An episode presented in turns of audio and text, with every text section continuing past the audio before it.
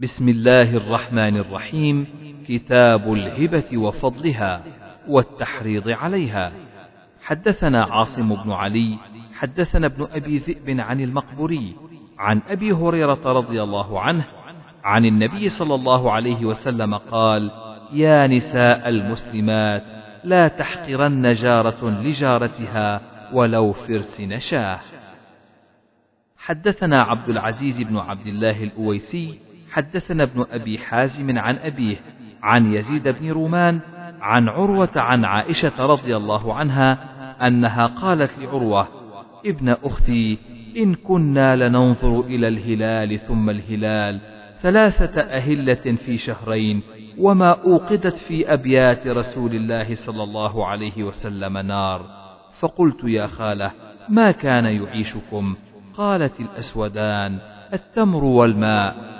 إلا أنه قد كان لرسول الله صلى الله عليه وسلم جيران من الأنصار كانت لهم منائح وكانوا يمنحون رسول الله صلى الله عليه وسلم من ألبانهم فيسقينا.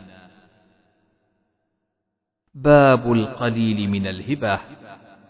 حدثنا محمد بن بشار حدثنا ابن أبي عدي عن شعبة عن سليمان عن أبي حازم عن أبي هريرة رضي الله عنه عن النبي صلى الله عليه وسلم قال لو دعيت إلى ذراع أو كراع لأجبت ولو أهدي إلي ذراع أو كراع لقبلت.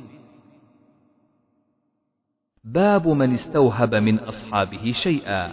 وقال أبو سعيد قال النبي صلى الله عليه وسلم اضربوا لي معكم سهما. حدثنا ابن أبي مريم حدثنا أبو غسان قال حدثني أبو حازم عن سهل رضي الله عنه أن النبي صلى الله عليه وسلم أرسل إلى امرأة من المهاجرين وكان لها غلام نجار قال لها مري عبدك فليعمل لنا أعواد المنبر. فأمرت عبدها فذهب فقطع من الطرفاء فصنع له منبرا. فلما قضاه أرسلت إلى النبي صلى الله عليه وسلم إنه قد قضاه. قال صلى الله عليه وسلم أرسلي به إلي. فجاءوا به فاحتمله النبي صلى الله عليه وسلم فوضعه حيث ترون. حدثنا عبد العزيز بن عبد الله. قال حدثني محمد بن جعفر عن أبي حازم عن عبد الله بن أبي قتادة السلمي. عن أبيه رضي الله عنه قال كنت يوما جالسا مع رجال من أصحاب النبي صلى الله عليه وسلم في منزل في طريق مكة ورسول الله صلى الله عليه وسلم نازل أمامنا والقوم محرمون وأنا غير محرم فأبصروا حمارا وحشيا وأنا مشغول أخصف نعلي فلم يؤذنوني به وأحبوا لو أني أبصرته والتفت فأبصرته فقمت إلى الفرس فأسرجته ثم ركبت ونسيت الصوت والرمح. فقلت لهم ناولوني الصوت والرمح. فقالوا لا والله لا نعينك عليه بشيء. فغضبت فنزلت فأخذتهما. ثم ركبت فشددت على الحمار فعقرته. ثم جئت به وقد مات. فوقعوا فيه يأكلونه. ثم إنهم شكوا في أكلهم إياه وهم حرم. فرحنا وخبأت العضد معي فأدركنا رسول الله صلى الله عليه وسلم فسألناه عن ذلك فقال معكم منه شيء؟ فقلت نعم. فناولته العضد فأكلها حتى نفدها وهو محرم فحدثني به زيد بن أسلم عن عطاء بن يسار عن أبي قتادة. باب من استسقى وقال سهل قال لي النبي صلى الله عليه وسلم اسقني. حدثنا خالد بن مخلد حدثنا سليمان بن بلال قال حدثني أبو طوالة اسمه عبد الله بن عبد الرحمن. قال سمعت أنس رضي الله عنه يقول أتانا رسول الله صلى الله عليه وسلم في دارنا هذه فاستسقى فحلبنا له شاة لنا ثم شبته من ماء بئرنا هذه فأعطيته وأبو بكر عن يساره وعمر تجاهه وأعرابي عن يمينه فلما فرغ قال عمر هذا أبو بكر فأعطى الأعرابي ثم قال الأيمنون الأيمنون. ألا فيمنوا؟ قال أنس فهي سنة فهي سنة ثلاث مرات. باب قبول هدية الصيد. وقبل النبي صلى الله عليه وسلم من أبي قتادة عضد الصيد. حدثنا سليمان بن حرب حدثنا شعبة عن هشام بن زيد بن أنس بن مالك عن أنس رضي الله عنه قال أنفجنا أرنبا بمر الظهران فسعى القوم فلغبوا فأدركتها فأخذتها فأتيت بها أبا طلحة فذبحها وبعث بها إلى رسول الله صلى الله عليه وسلم بوركها أو فخذيها. قال فخذيها لا شك فيه. فقبله. قلت وأكل منه؟ قال وأكل منه. ثم قال بعد قبله. حدثنا إسماعيل قال حدثني مالك عن ابن شهاب عن عبيد الله بن عبد الله بن عتبة بن مسعود عن عبد الله بن عباس عن الصعب بن جثامة رضي الله عنهم أنه أهدى لرسول الله صلى الله عليه وسلم حمارا وحشيا وهو بالأبواء أو بودان فرد عليه فلما رأى ما في وجهه قال أما إنا لم نرده عليك إلا أنا حرم. باب قبول الهدية. حدثنا إبراهيم بن موسى حدثنا عبده حدثنا هشام عن أبيه عن عائشة رضي الله عنها أن الناس كانوا يتحرون بهداياهم يوم عائشة يبتغون بها أو يبتغون بذلك مرضاة رسول الله صلى الله عليه وسلم. حدثنا آدم حدثنا شعبة حدثنا جعفر بن إياس قال سمعت سعيد بن جبير عن ابن عباس رضي الله عنهما قال أهدت أم حفيد خالة ابن عباس إلى النبي صلى الله عليه وسلم أقطا وسمنا وأضبا فأكل النبي صلى الله عليه وسلم من الأقط والسمن وترك الضبة قذرا قال ابن عباس فأكل على مائدة رسول الله صلى الله عليه وسلم ولو كان حراما ما أكل على مائدة رسول الله صلى الله عليه وسلم. حدثنا إبراهيم بن المنذر حدثنا معن قال حدثني إبراهيم بن طهمان عن محمد بن زياد عن أبي هريرة رضي الله عنه قال كان رسول الله صلى الله عليه وسلم إذا أتي بطعام سأل عنه أهدية أم صدقة؟ فإن قيل صدقة قال لأصحابه كلوا ولم يأكل وإن قيل هدية ضرب بيده صلى الله عليه وسلم فأكل معهم. حدثنا محمد بن بشار حدثنا غندر حدثنا شعبة عن قتادة عن أنس بن مالك رضي الله عنه قال أتي النبي صلى الله عليه وسلم بلحم فقيل تصدق على بريرة قال هو لها صدقة ولنا هدية. حدثنا محمد بن بشار حدثنا غندر حدثنا شعبة عن عبد الرحمن بن القاسم. قال سمعته منه عن القاسم عن عائشة رضي الله عنها أنها أرادت أن تشتري بريرة وأنهم اشترطوا ولاءها فذكر للنبي صلى الله عليه وسلم فقال النبي صلى الله عليه وسلم اشتريها فأعتقيها فإنما الولاء لمن أعتق وأهدي لها لحم. فقال النبي صلى الله عليه وسلم هذا تصدق على بريرة هو لها صدقة ولنا هدية. وخيرت. قال عبد الرحمن زوجها حر أو عبد؟ قال شعبة. سألت عبد الرحمن عن زوجها. قال لا أدري أحر أم عبد. حدثنا محمد بن مقاتل أبو الحسن. أخبرنا خالد بن عبد الله عن خالد الحذاء عن حفصة بنت سيرين عن أم عطية. قالت دخل النبي صلى الله عليه وسلم على عائشة رضي الله عنها فقال عندكم شيء؟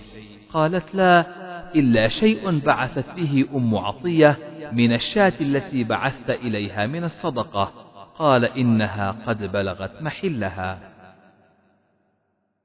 باب من أهدى إلى صاحبه وتحرى بعض نسائه دون بعض.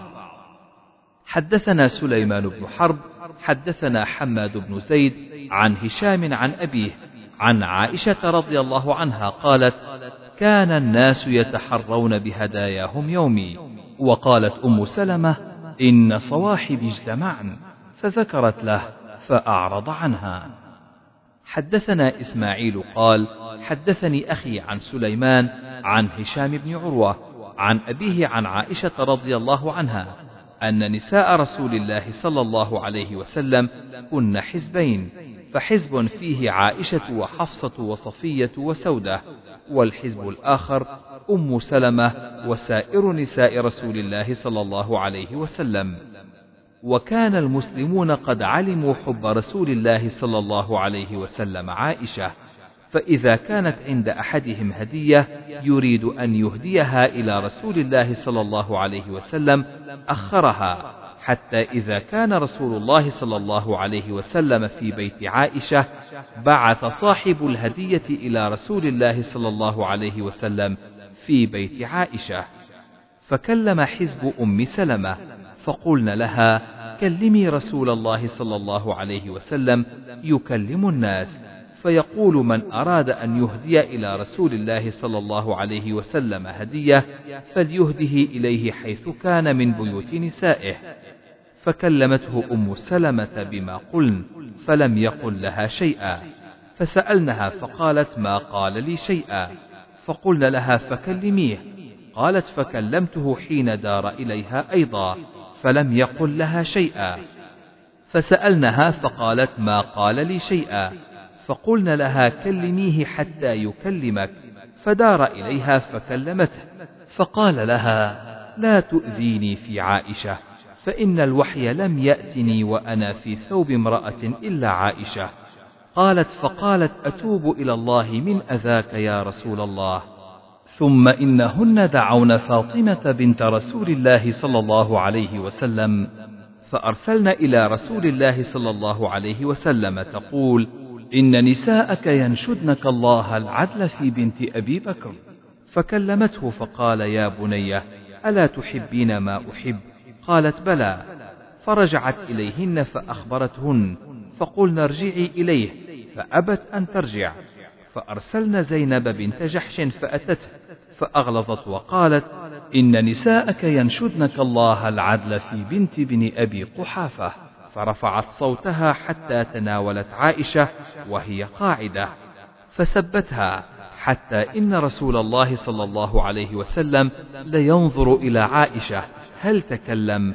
قال فتكلمت عائشة ترد على زينب حتى أسكتتها قالت فنظر النبي صلى الله عليه وسلم إلى عائشة وقال إنها بنت أبي بكر قال البخاري الكلام الأخير قصة فاطمة يذكر عن هشام بن عروة عن رجل عن الزهري عن محمد بن عبد الرحمن وقال أبو مروان عن هشام عن عروة كان الناس يتحرون بهداياهم يوم عائشة وعن هشام عن رجل من قريش ورجل من الموالي عن الزهري عن محمد بن عبد الرحمن بن الحارث بن هشام قالت عائشة كنت عند النبي صلى الله عليه وسلم فاستأذنت فاطمة.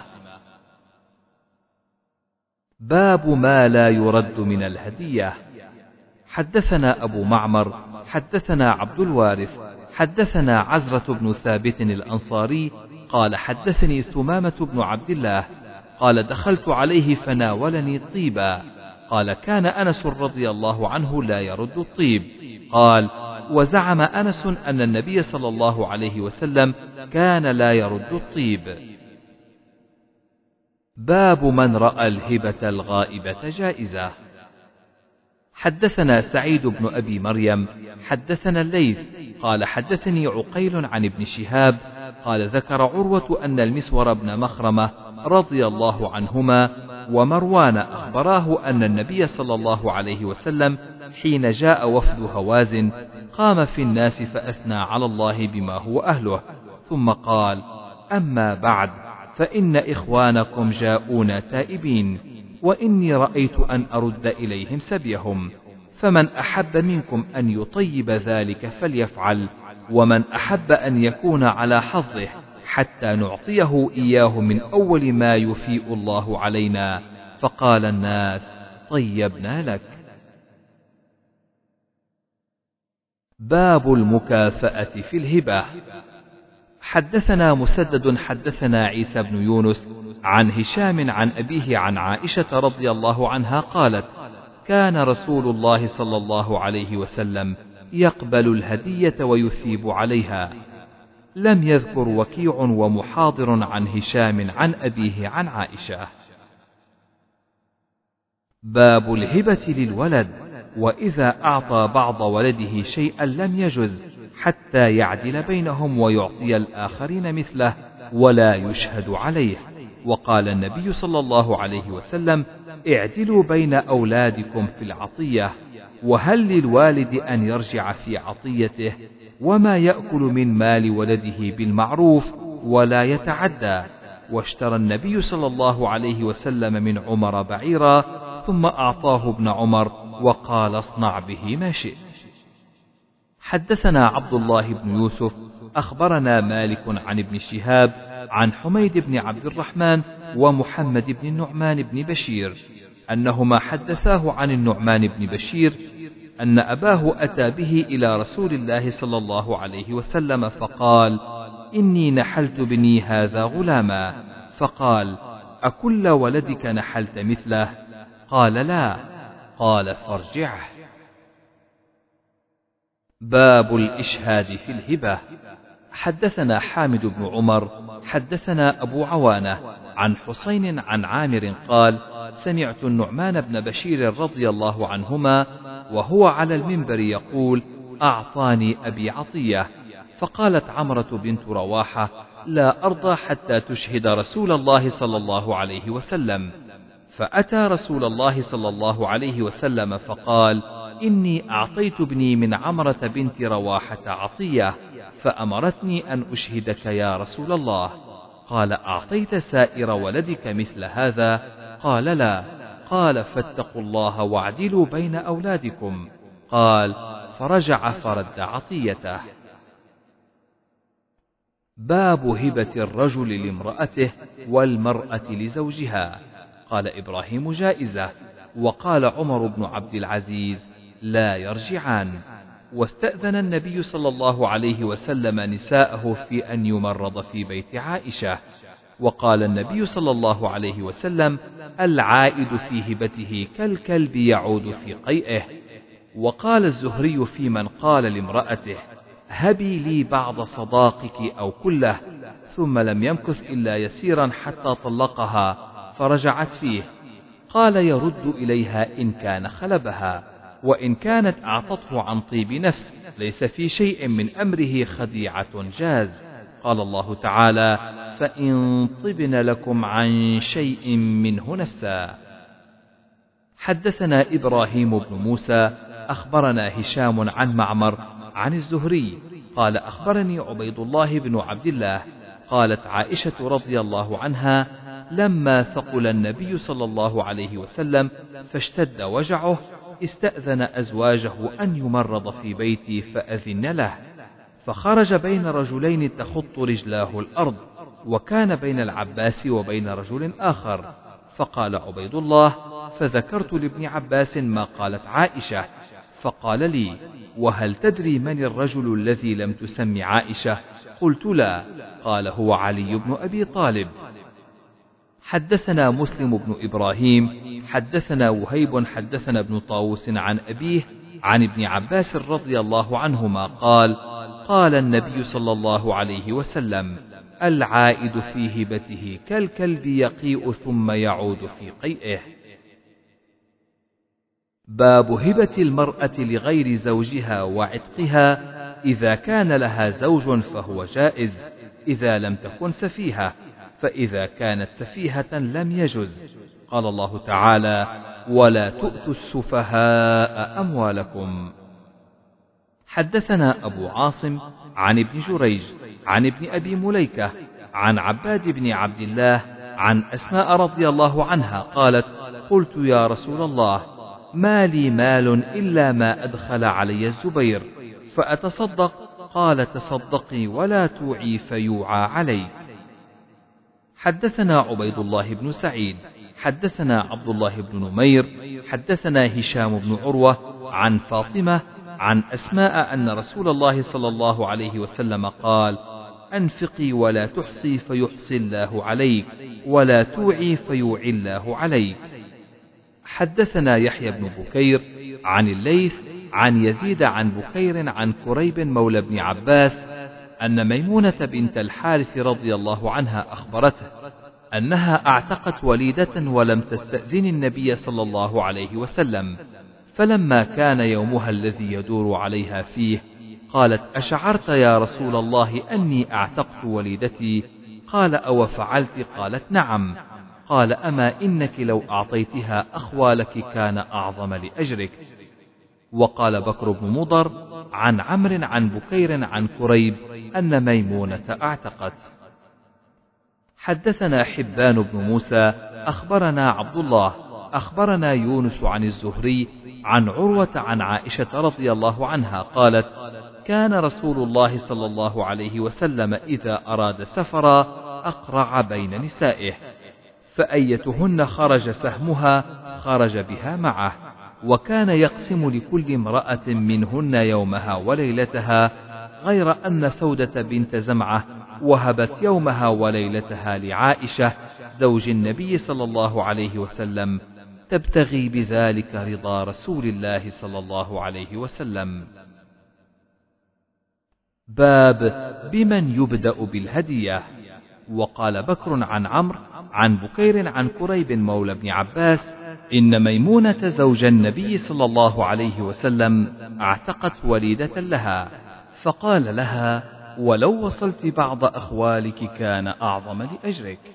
حدثنا محمد بن بشار حدثنا محمد بن جعفر حدثنا شعبة عن أبي عمران الجوني عن طلحة بن عبد الله رجل من بني تيم بن مرة عن عائشة رضي الله عنها قالت قلت يا رسول الله إن لي جارين فإلى أيهما أهدي؟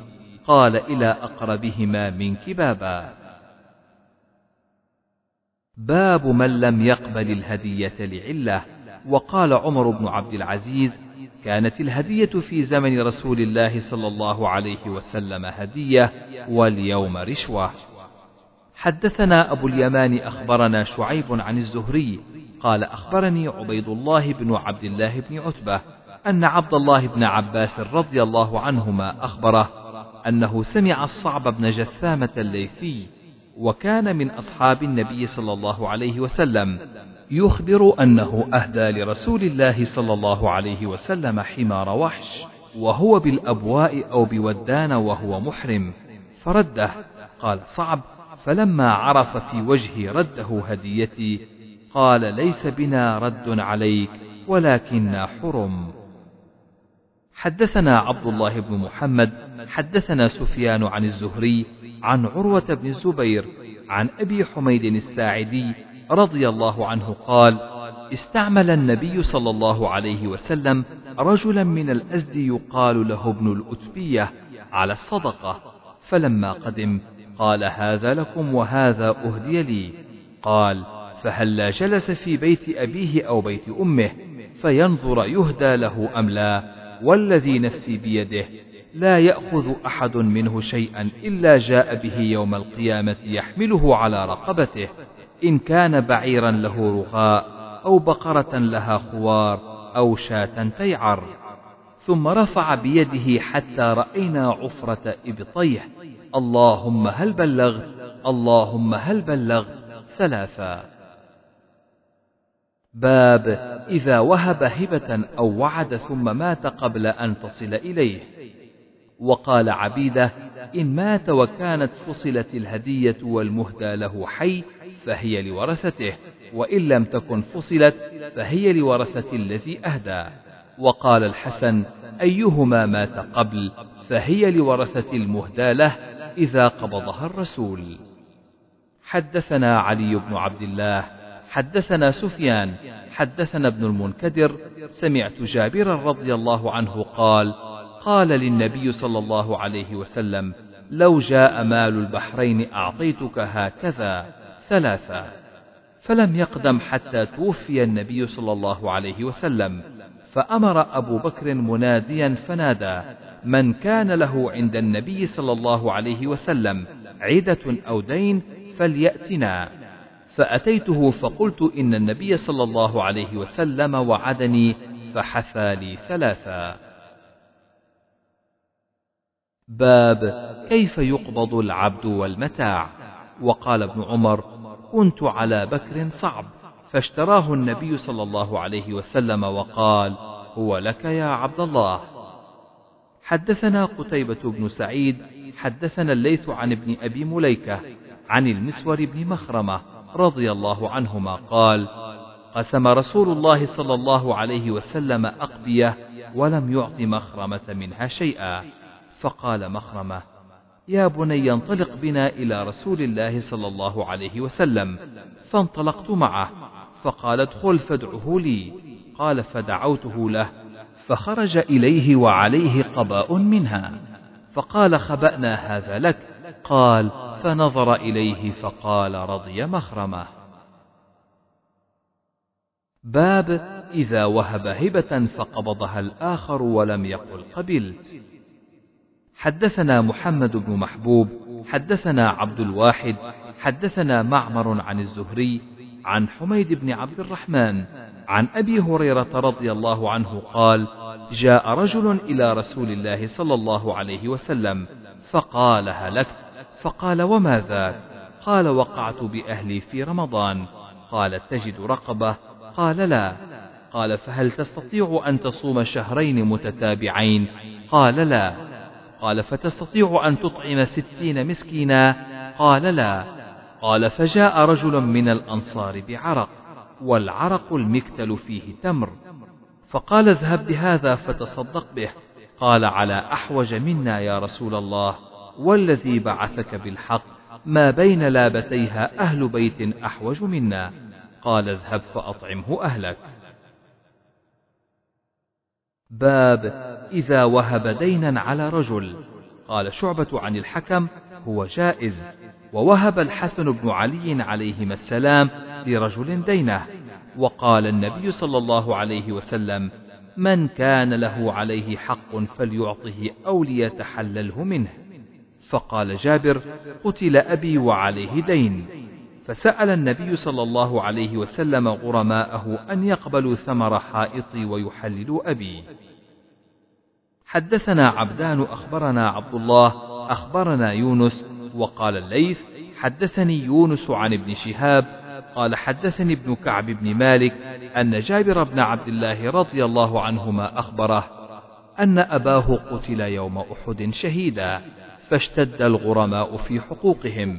فأتيت رسول الله صلى الله عليه وسلم فكلمته فسألهم أن يقبلوا ثمر حائطي ويحللوا أبي فأبوا.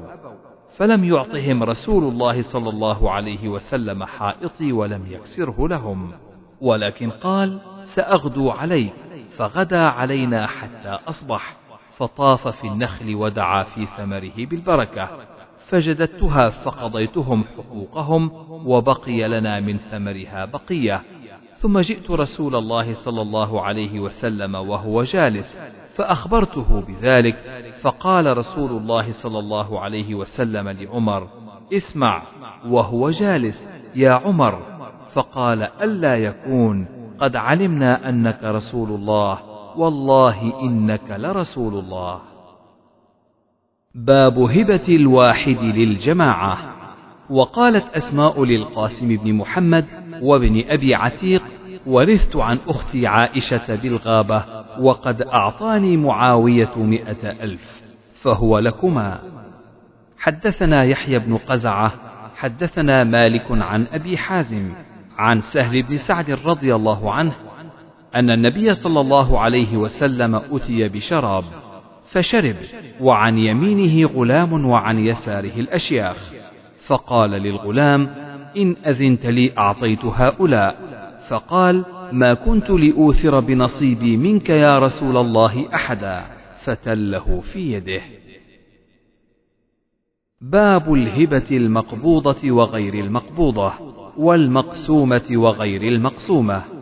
وقد وهب النبي صلى الله عليه وسلم وأصحابه لهوازن ما غنموا منهم وهو غير مقسوم وقال ثابت حدثنا مسعر عن محارب عن جابر رضي الله عنه أتيت النبي صلى الله عليه وسلم في المسجد فقضاني وزادني. حدثنا محمد بن بشار حدثنا غندر حدثنا شعبة عن محارب سمعت جابر بن عبد الله رضي الله عنهما يقول بعت من النبي صلى الله عليه وسلم بعيرا في سفر. فلما أتينا المدينة قال ائت المسجد فصل ركعتين. فوزن. قال شعبة أراه فوزن لي فأرجح فما زال منها شيء حتى أصابها أهل الشأم يوم الحرة. حدثنا قتيبة عن مالك عن أبي حازم عن سهل بن سعد رضي الله عنه أن رسول الله صلى الله عليه وسلم أتي بشراب وعن يمينه غلام وعن يساره أشياخ فقال للغلام أتأذن لي أن أعطي هؤلاء؟ فقال الغلام لا والله لا أوثر بنصيبي منك أحدا فتله في يده. حدثنا عبد الله بن عثمان بن جبلة قال أخبرني أبي عن شعبة عن سلمة قال سمعت أبا سلمة عن أبي هريرة رضي الله عنه قال كان لرجل على رسول الله صلى الله عليه وسلم دين فهم به أصحابه فقال دعوه فإن لصاحب الحق مقالا وقال اشتروا له سنا فأعطوها إياه فقالوا إنا لا نجد سنا إلا سنا هي أفضل من سنه. قال فاشتروها فأعطوها إياه. فإن من خيركم أحسنكم قضاء. باب إذا وهب جماعة لقوم. حدثنا يحيى بن بكير حدثنا الليث عن عقيل عن ابن شهاب عن عروة أن مروان بن الحكم والمسور بن مخرمة أخبراه أن النبي صلى الله عليه وسلم قال حين جاءه وفد هوازن مسلمين فسألوه أن يرد إليهم أموالهم وسبيهم فقال لهم معي من ترون وأحب الحديث إلي أصدقه فاختاروا إحدى الطائفتين إما السبي وإما المال وقد كنت استأنيت وكان النبي صلى الله عليه وسلم انتظرهم بضع عشرة ليلة حين قفل من الطائف. فلما تبين لهم أن النبي صلى الله عليه وسلم غير راد إليهم إلا إحدى الطائفتين قالوا فإنا نختار سبينا. فقام في المسلمين فأثنى على الله بما هو أهله ثم قال أما بعد فإن إخوانكم هؤلاء جاءونا تائبين وإني رأيت أن أرد إليهم سبيهم. فمن أحب منكم أن يطيب ذلك فليفعل ومن أحب أن يكون على حظه حتى نعطيه إياه من أول ما يفيء الله علينا فليفعل. فقال الناس طيبنا يا رسول الله لهم. فقال لهم إنا لا ندري من أذن منكم فيه ممن لم يأذن. فارجعوا حتى يرفع إلينا عرفاؤكم أمركم. فرجع الناس فكلمهم عرفاؤهم ثم رجعوا إلى النبي صلى الله عليه وسلم فأخبروه أنهم طيبوا وأذنوا. وهذا الذي بلغنا من سبي هوازن هذا آخر قول الزهري يعني فهذا الذي بلغنا. باب من أهدي له هدية وعنده جلساؤه فهو أحق. ويذكر عن ابن عباس أن جلساءه شركاء ولم يصح. حدثنا ابن مقاتل أخبرنا عبد الله أخبرنا شعبة عن سلمة بن كهيل عن أبي سلمة عن أبي هريرة رضي الله عنه عن النبي صلى الله عليه وسلم أنه أخذ سنا فجاء صاحبه يتقاضاه فقال إن لصاحب الحق مقالا ثم قضاه أفضل من سنه وقال أفضلكم أحسنكم قضاء. حدثنا عبد الله بن محمد حدثنا ابن عيينة عن عمرو عن ابن عمر رضي الله عنهما أنه كان مع النبي صلى الله عليه وسلم في سفر فكان على بكر لعمر صعب فكان يتقدم النبي صلى الله عليه وسلم فيقول أبوه يا عبد الله لا يتقدم النبي صلى الله عليه وسلم أحد. فقال له النبي صلى الله عليه وسلم بعنيه. فقال عمر هو لك فاشتراه. ثم قال هو لك يا عبد الله فاصنع به ما شئت. باب إذا وهب بعيرا لرجل وهو راكبه فهو جائز. وقال الحميدي حدثنا سفيان حدثنا عمرو عن ابن عمر رضي الله عنهما قال كنا مع النبي صلى الله عليه وسلم في سفر وكنت على بكر صعب. فقال النبي صلى الله عليه وسلم لعمر بعنيه فابتاعه. فقال النبي صلى الله عليه وسلم هو لك يا عبد الله. باب هدية ما يكره لبسها. حدثنا عبد الله بن مسلمة عن مالك عن نافع عن عبد الله بن عمر رضي الله عنهما قال رأى عمر بن الخطاب حلة سيراء عند باب المسجد. فقال يا رسول الله لو اشتريتها فلبستها يوم الجمعة وللوفد. قال إنما يلبسها من لا خلاق لهم في الآخرة. ثم جاءت حلل فأعطى رسول الله صلى الله عليه وسلم عمر منها حلة وقال أكسوتنيها وقلت في حلة عطارد ما قلت؟ فقال إني لم أكسكها لتلبسها. فكسى عمر أخا له بمكة مشركا. حدثنا محمد بن جعفر أبو جعفر. حدثنا ابن فضيل عن أبيه عن نافع عن ابن عمر رضي الله عنهما قال أتى النبي صلى الله عليه وسلم بيت فاطمة فلم يدخل عليها وجاء علي فذكرت له ذلك فذكره للنبي صلى الله عليه وسلم قال إني رأيت على بابها سترا موشيا فقال ما لي وللدنيا فأتاها علي فذكر ذلك لها فقالت ليأمرني فيه بما شاء. قال ترسل به إلى فلان أهل بيت بهم حاجة. حدثنا حجاج بن منهال حدثنا شعبة. قال أخبرني عبد الملك بن ميسرة. قال سمعت زيد بن وهب عن علي رضي الله عنه قال أهدى إلي النبي صلى الله عليه وسلم حلة سيراء فلبستها. فرأيت الغضب في وجهه فشققتها بين نسائي. باب قبول الهدية من المشركين. وقال أبو هريرة عن النبي صلى الله عليه وسلم هاجر إبراهيم عليه السلام بسارة فدخل قرية فيها ملك أو جبار فقال أعطوها آجر وأهديت للنبي صلى الله عليه وسلم شاة فيها سم. وقال أبو حميد أهدى ملك أيلة للنبي صلى الله عليه وسلم بغلة بيضاء وكساه بردا وكتب له ببحرهم.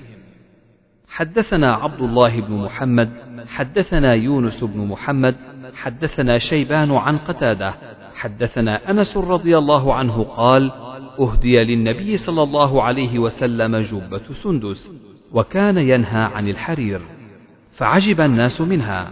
فقال والذي نفس محمد بيده لمناديل سعد بن معاذ في الجنة أحسن من هذا. وقال سعيد عن قتادة عن أنس أن أكيدر دومة أهدى إلى النبي صلى الله عليه وسلم.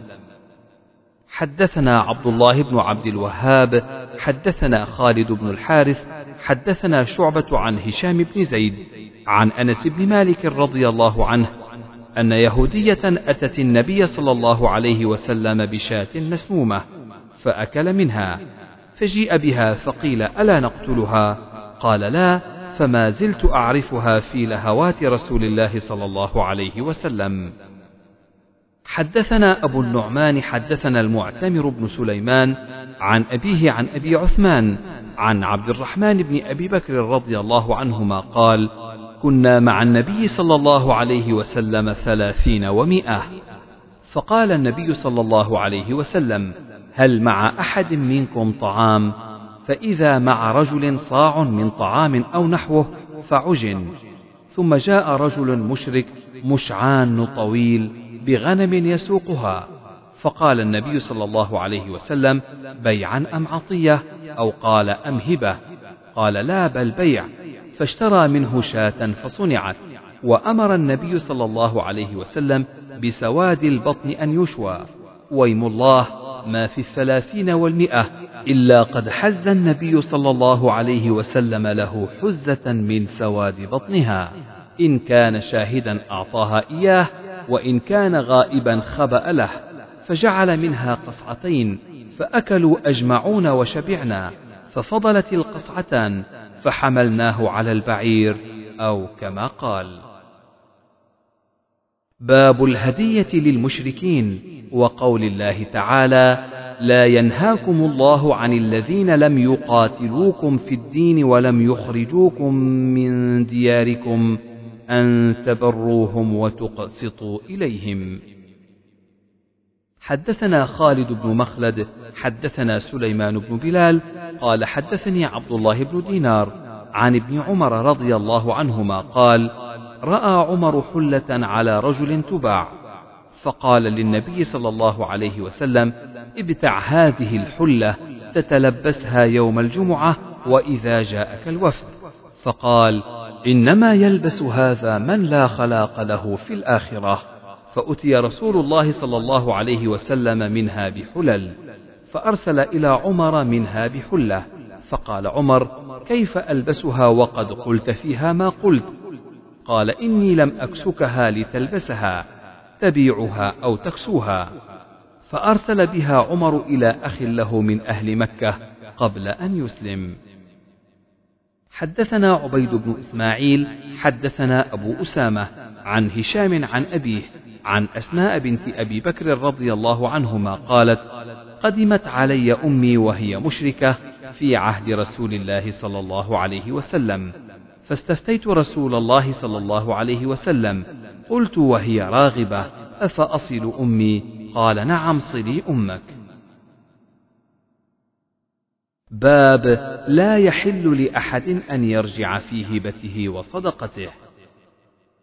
حدثنا مسلم بن إبراهيم حدثنا هشام وشعبة قالا حدثنا قتادة عن سعيد بن المسيب عن ابن عباس رضي الله عنهما قال قال النبي صلى الله عليه وسلم العائد في هبته كالعائد في قيئه.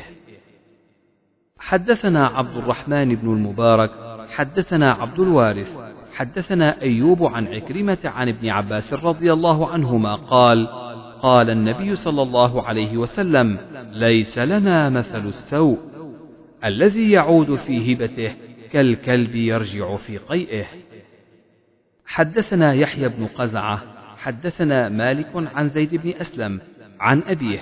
سمعت عمر بن الخطاب رضي الله عنه يقول حملت على فرس في سبيل الله فأضاعه الذي كان عنده فأردت أن أشتريه منه وظننت أنه بائعه برخص فسألت عن ذلك النبي صلى الله عليه وسلم فقال لا تشتره وإن أعطاكه بدرهم واحد فإن العائد في صدقته كالكلب يعود في قيئه. باب حدثنا إبراهيم بن موسى أخبرنا هشام بن يوسف أن ابن جريج أخبرهم قال أخبرني عبد الله بن عبيد الله بن أبي مليكة أن بني صهيب مولى بن جدعان ادعوا بيتين وحجرة أن رسول الله صلى الله عليه وسلم أعطى ذلك صهيبا. فقال مروان من يشهد لكما على ذلك؟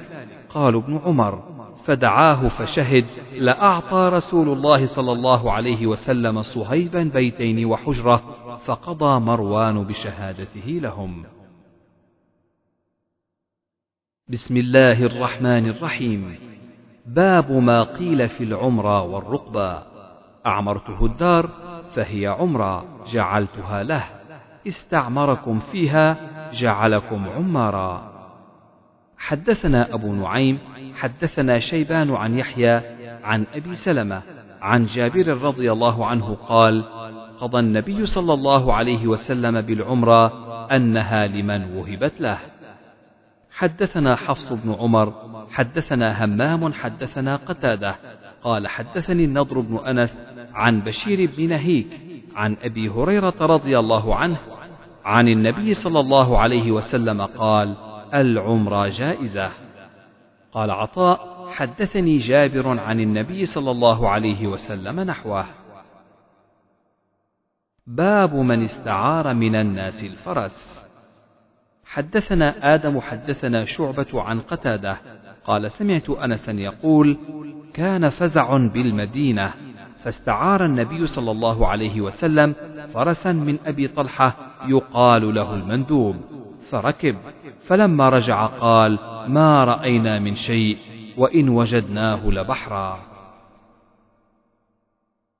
باب الاستعارة للعروس عند البناء.